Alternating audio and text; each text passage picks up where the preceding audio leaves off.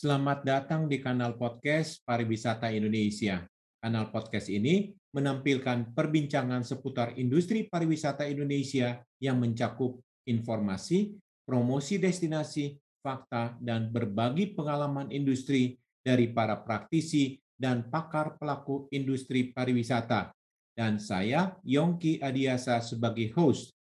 Pada episode kali ini, kami menampilkan promosi dan informasi seputar destinasi wisata Provinsi Maluku.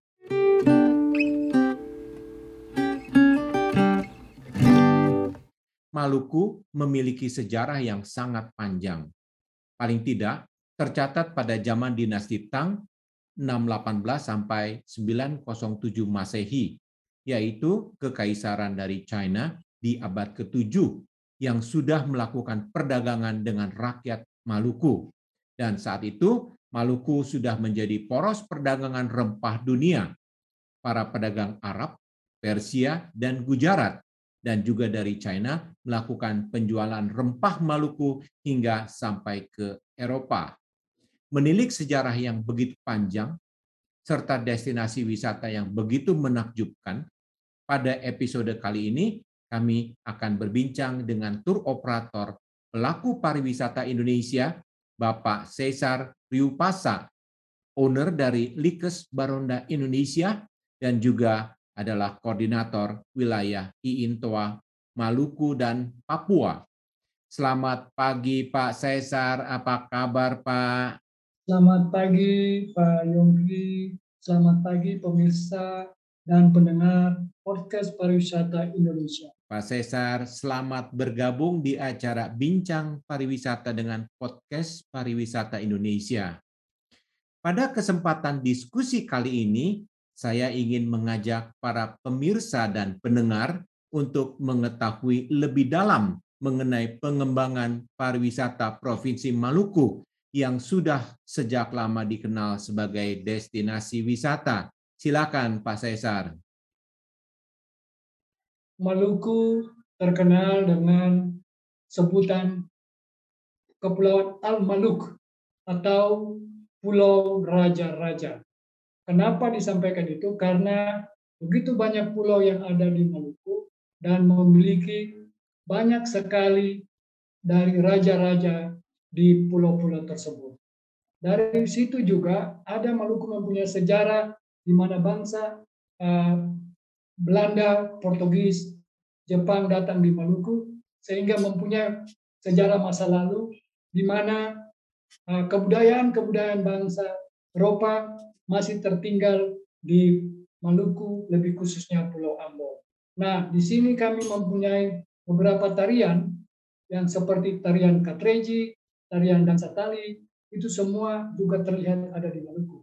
Marga Eh, orang Eropa juga ada di Maluku seperti Dave Sosia, Van Rijn, eh, Van Holten itu ada di kami. Sehingga bagi kami di Ambon atau di Maluku itu sudah terbiasa bagaimana melayani tamu yang akan datang berkunjung ke Ambon. Oke, nah, menarik sekali Pak. Itu cerita mengenai sejarah hubungan Maluku dengan Eropa. Bagaimana dengan pariwisatanya, Pak? Terutama di zaman kemerdekaan kita saat sekarang. Silakan, Pak Cesar. Pariwisata Maluku sudah mulai terkenal dari tahun 1980, di mana Maluku mendapat julukan Ambon Manise atau Maluku the Sweet Island.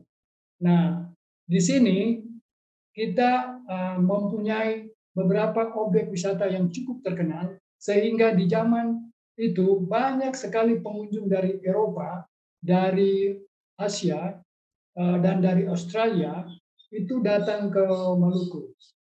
Di Ambon kita punya satu event yang cukup terkenal sejak dari tahun 87 sampai dengan tahun 99 itu namanya Darwin Ambon Yacht Race, di mana para uh, pelayar dari Darwin itu melakukan lomba, mulai start dari Darwin menuju kota Ambon.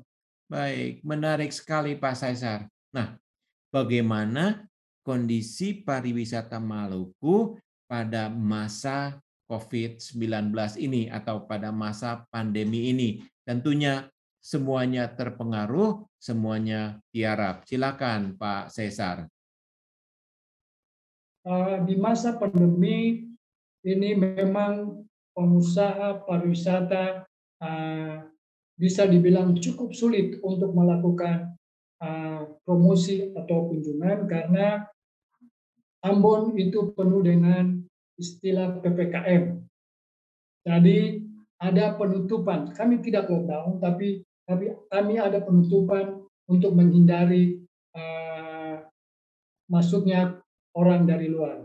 Sehingga bisa dibilang bahwa semua usaha per, uh, pariwisata, terutama kami yang biro perjalanan, itu mati suri, Pak. Kita semua ketahui wisatawan asing, khususnya Eropa dan Australia, sangat suka melihat sejarah dan keindahan alam dan objek wisata di Maluku. Bisa tolong sampaikan destinasi wisata yang menjadi daya tarik wisata di Maluku. Silakan Pak Saisar. Uh, di Maluku kita karena banyak begitu pulau-pulau yang ada di Maluku sehingga saya akan memulai dengan ketertarikan dari masing-masing pulau-pulau atau objek wisata yang ada di Maluku. Pertama di kota Ambon. Pada saat Anda datang ke kota Ambon, Ambon terkenal dengan kota musik. Sehingga Anda di airport, Anda akan mendapat lagu-lagu yang cukup menarik untuk menghibur Anda. Kemudian Anda juga akan mendapatkan sejarah orang Maluku. Artinya dengan sejarah Patimura, Christina Namatapehau, di mana mereka berperang melawan Belanda. Kemudian juga ada beberapa objek wisata baik di selatan, utara, barat dengan pantai dan keindahan laut yang baik serta kehidupan hari-hari mereka. Kemudian dari kota Ambon kita berpindah ke Pulau Banda. Anda tahu sendiri Pulau Banda yang penuh dengan cerita tentang rempah-rempahnya di mana banyak bangsa Eropa datang untuk mencari buah pala dan Pulau Banda juga memiliki tarian dan adat istiadat cakalele serta diving. Laut bahari yang cukup baik di mana Banda mempunyai satu spesies yang sangat unik yaitu hiu martil atau hammerhead shark. Banyak para diver datang ke Maluku untuk mencari hiu martil. Kemudian kita berpindah ke Pulau K. Pulau K terkenal dengan pasir putih yang menarik, di mana Anda bisa berjalan berkilo-kilometer di atas pasir putih yang cukup halus, yang juga merupakan cukup halus di dunia. Kemudian di Pulau K, Anda mempunyai makanan kuliner tertentu terkenal, di mana punya rumput laut atau yang dinamakan lat, yaitu kuliner yang cukup menarik. Kemudian juga di Pulau K ada tarian tradisional mereka dan juga salah satu tempat untuk melihat burung uh, asli Pulau K di, di Pulau K besar. Kemudian kita beralih ke Pulau Seram yang terkenal dengan Taman Nasional Manusela dan Pantai Ora atau tebing Sawai Saleman. Apabila Anda tertarik dengan trekking atau tertarik dengan bird watching, jangan lupa mengunjungi Pulau Seram. Karena di Pulau Seram ada 17 satwa endemik, khususnya burung endemik. Kemudian kita berpindah ke Pulau uh, Buru. Kalau Pulau Buru dulu. Oke. Silakan lanjut Pak. Pulau Buru. 3, 2, 1, go. Baik. Untuk Pulau Buru, Anda dulu masih terkenal dengan tempat pembuangan uh, tahanan politik. Tapi sekarang Pulau Buru menyediakan begitu banyak objek wisata buat Anda. Mulai dari air terjun, mulai dengan perumahan uh, kampung di atas laut, bagaimana Anda melihat proses minyak kayu putih, bagaimana Anda juga ingin melihat satwa endemik berupa uh, penyu atau dikenal dengan teteruga, Anda bisa mengunjungi Pulau Buru dan semua transportasi dan aksesibilitas untuk ke Pulau Buru dan pulau-pulau lain di Maluku sudah cukup baik. Baik, sangat menarik, sangat luar biasa. Begitu banyak destinasi wisata di Maluku. Tentunya waktu kita sangat terbatas. Untuk diskusi kita hari ini, mari kita fokuskan pada kluster kota Ambon dan sekitarnya. Pendengar podcast pariwisata Indonesia akan tertarik mendapat penjelasan mengenai ikon atau highlight destinasi atau objek wisata di kota Ambon. Silakan Pak Saisar. Objek wisata di kota Ambon yang sangat terkenal yaitu Patung Patimura. Patung Patimura atau dikenal dengan pahlawan Patimura adalah simbol perlawanan uh, masyarakat Maluku terhadap Belanda. Kemudian objek wisata Benteng Victoria. Benteng Victoria dibangun oleh Belanda untuk mempertahankan keberadaan mereka terhadap serangan orang Maluku dan juga merupakan uh, penyimpanan tawanan orang-orang uh, Maluku di Benteng Victoria. Sehingga di sebelah benteng itu ada namanya Mardika atau Mardikel dalam bahasa Belanda, yaitu lokasi pembebasan, di mana tawanan itu setelah mereka bisa keluar dari dari benteng, setelah membangun benteng, mereka dipindahkan di sebelahnya. Ada objek wisata patung Kristina Mata Tiahahu Christina Marta Tiahau adalah pahlawan Maluku perempuan yang bersama dengan Patimura melawan Belanda.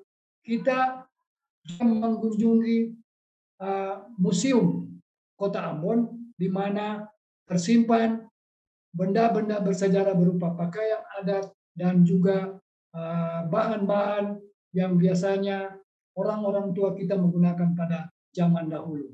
Ah, pantai Nama Latu, di mana terkenal dengan pintu kota, di mana ada batu yang berlubang seperti gate atau dibilang ada bolongan yang seperti pintu.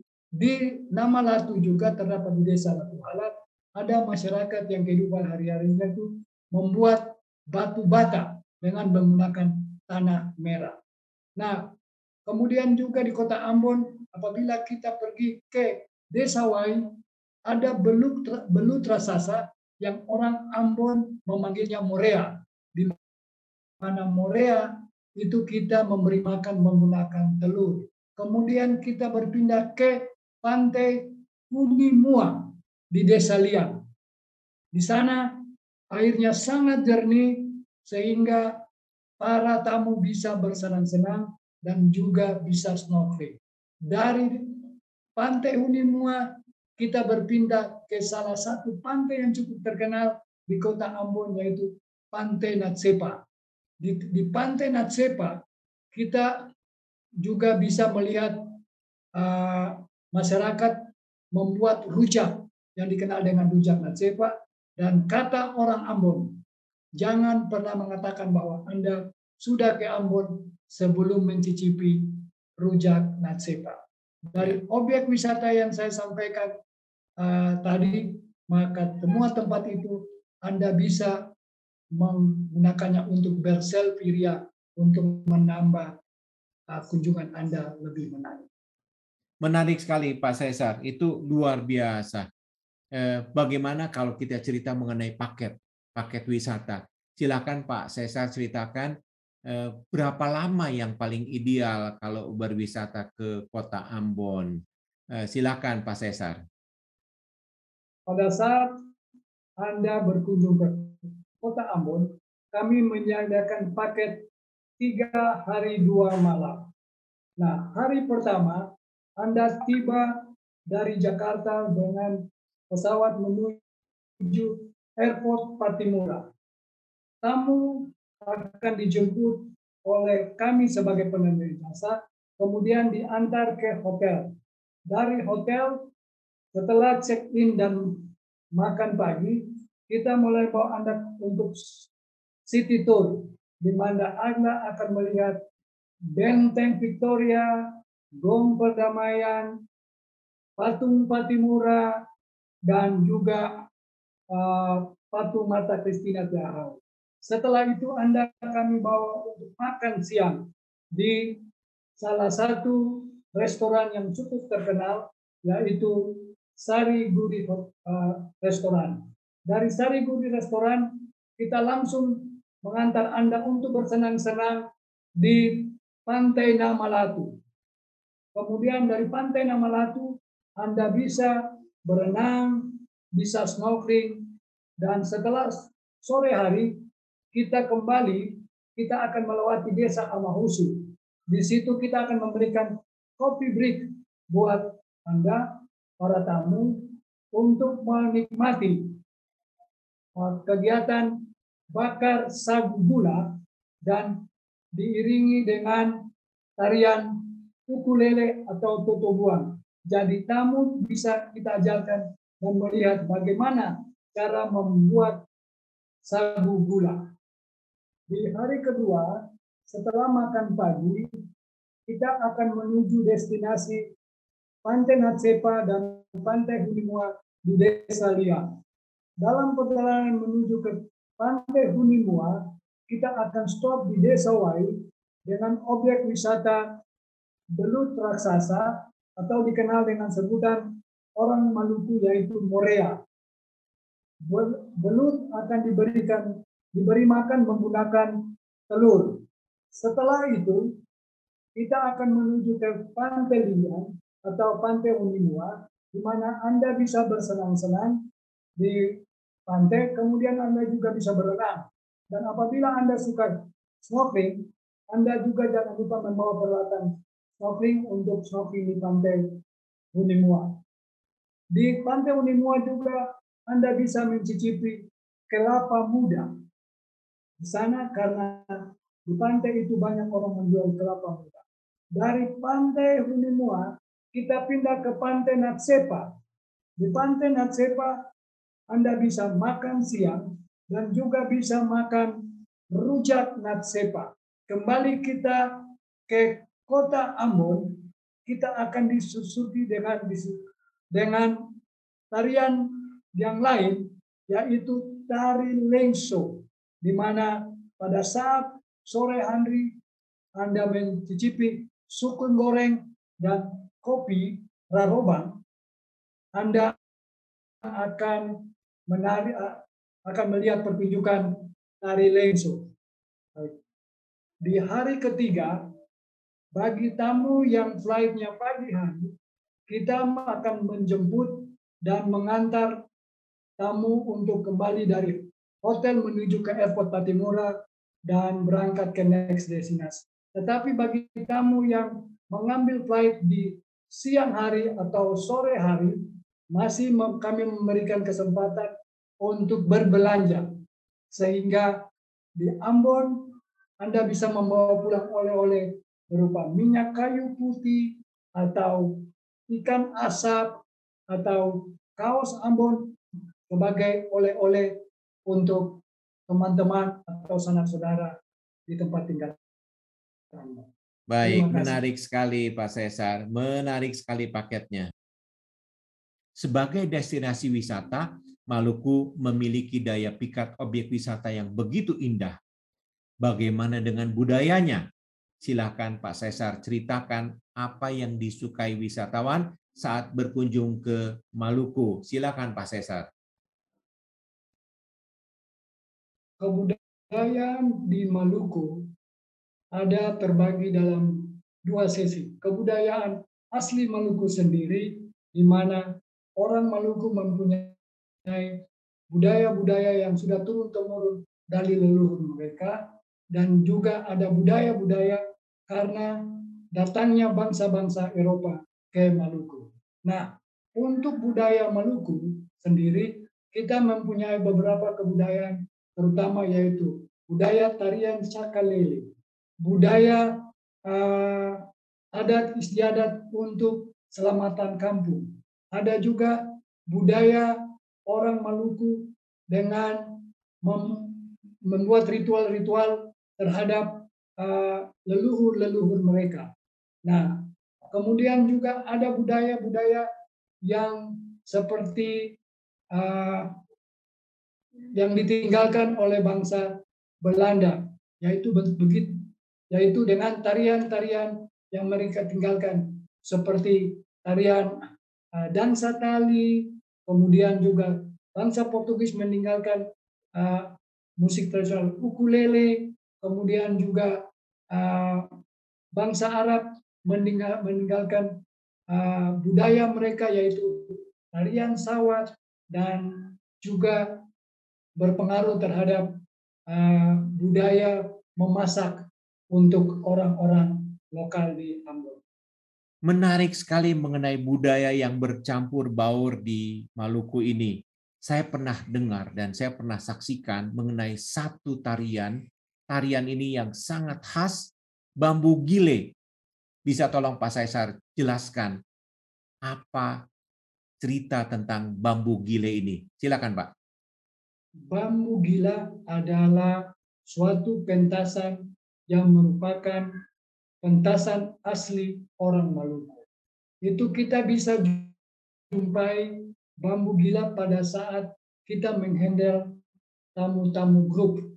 Nah itu pentasannya menggunakan sebatang bambu yang panjangnya kira-kira 3 eh, sampai 5 meter dan kemudian dipegang oleh lima orang eh, pemuda yang cukup kekal. Kemudian ada satu orang petua yang merupakan eh, orang tua daripada penggerak bambu itu dengan menggunakan kita bilang di sini komaniang, bukan sesajen Pak ya, itu yaitu tempat di mana kita menggunakan bara, api, dan ditaruh komanian, kemudian muncullah acap. Dan orang itu akan membawa bambu itu menjadi bergerak. Walaupun sudah dipegang oleh beberapa orang, 5 sampai 7 orang, tapi apabila roh atau sesuatu arwah sudah masuk ke bambu itu, dia bisa bergerak ke mana saja. Sehingga itu pertunjukan yang sangat menarik, membuat penonton dan orang yang mau gan juga bisa tergila-gila melihatnya. Makanya tradisi tradisi itu terus dipertahankan di kota Ambon. Cara pengambilan bambunya juga ada caranya Pak, di mana bambu harus dipotong pada malam hari dan pada saat memotong bambu itu tidak boleh menyentuh tanah. Dan itu dilakukan juga acara ritual sebelum bambunya dipotong sangat menarik untuk kita simak, untuk kita kunjungi. Baik, Pak Saisar, sebagai pelaku pariwisata putra daerah di Maluku, apa harapan dan himbauan pelaku pariwisata kepada pemerintah dalam hal ini pemangku kepentingan baik di tingkat kabupaten kota maupun di tingkat provinsi. Silakan Pak Saisar. Kita tahu bersama bahwa alam Maluku ini merupakan bagian dari anugerah yang Tuhan telah berikan kepada kita. Untuk itu kami mengharapkan kebijakan-kebijakan pemerintah menyangkut pariwisata itu lebih perlu diperkuat lagi. Yang kedua, yaitu kerjasama antara pemerintah dengan pelaku wisata. Karena terutama Biro Perjalanan, karena Biro Perjalanan adalah sesuai dengan mandat undang-undang, maka kamilah yang melakukan uh, wholesaler dan kamilah yang mendatangkan para tamu. Karena apa yang kami lakukan adalah bagaimana mendatangkan income bagi bagi uh, provinsi kami kepada kabupaten kami dengan cara yang benar-benar sesuai dengan aturan yang berlaku. Yang ketiga, kami sangat terbuka bagi pemerintah dengan pemerintah untuk saling berdiskusi untuk memajukan pariwisata Maluku sehingga keputusan yang dilakukan oleh pemerintah benar-benar menjaga dan menguatkan objek-objek wisata yang ada di Maluku. Sekarang ini banyak promosi yang dilakukan oleh pemerintah. Tetapi menurut kami masih banyak hal-hal yang diperbaiki. Di antaranya seperti farm trip ke Maluku itu adalah satu cara yang cukup baik untuk bagaimana mempromosikan Maluku ke depan. Apabila kita mendatangkan beberapa travel agent dari luar kota Ambon atau dari luar Maluku datang ke Maluku, melihat sendiri kota Ambon, melihat sendiri objek wisata, melihat bagaimana cara uh, transportasi dan aksesibilitas di Maluku, maka lebih meyakinkan bagaimana para travel agent di luar Maluku untuk mempromosikan Maluku lebih jauh lagi dan mendatangkan tamu lebih banyak. Untuk tahun-tahun sebelumnya, pemerintah Provinsi Maluku sudah beberapa kali mengajak Biro Perjalanan untuk pameran ke luar negeri. Tetapi sekarang ini mungkin karena kondisi COVID, jadi koordinasi itu belum bisa berjalan. Hanya kami pun harus terus memberi saran kepada pemerintah bahwa cara mempromosikan uh, ke luar negeri itu juga perlu mendapat beberapa perubahan sehingga pada saat kita eh, melakukan promosi ke luar negeri benar-benar targetnya yaitu biro-biro perjalanan atau wholesaler yang ada di luar negeri untuk mendatangkan tamu. Jadi secara koordinasi sudah pernah dilakukan, namun secara target itu yang perlu kita duduk bersama-sama. Baik, terima kasih Pak Cesar. Waktu jua yang harus memisahkan kita di acara ini. Terima kasih Pak Cesar yang sudah meluangkan waktunya dan berbagi cerita bersama podcast Pariwisata Indonesia. Mudah-mudahan akan bermanfaat bagi para tour operator, travel agent, dan penikmat pariwisata Indonesia. Untuk episode berikut, kami akan menayangkan destinasi Banda, Pulau K, Pulau Buru, dan Seram Utara. Saya Yongki Adiasa, pamit undur diri. Salam pariwisata.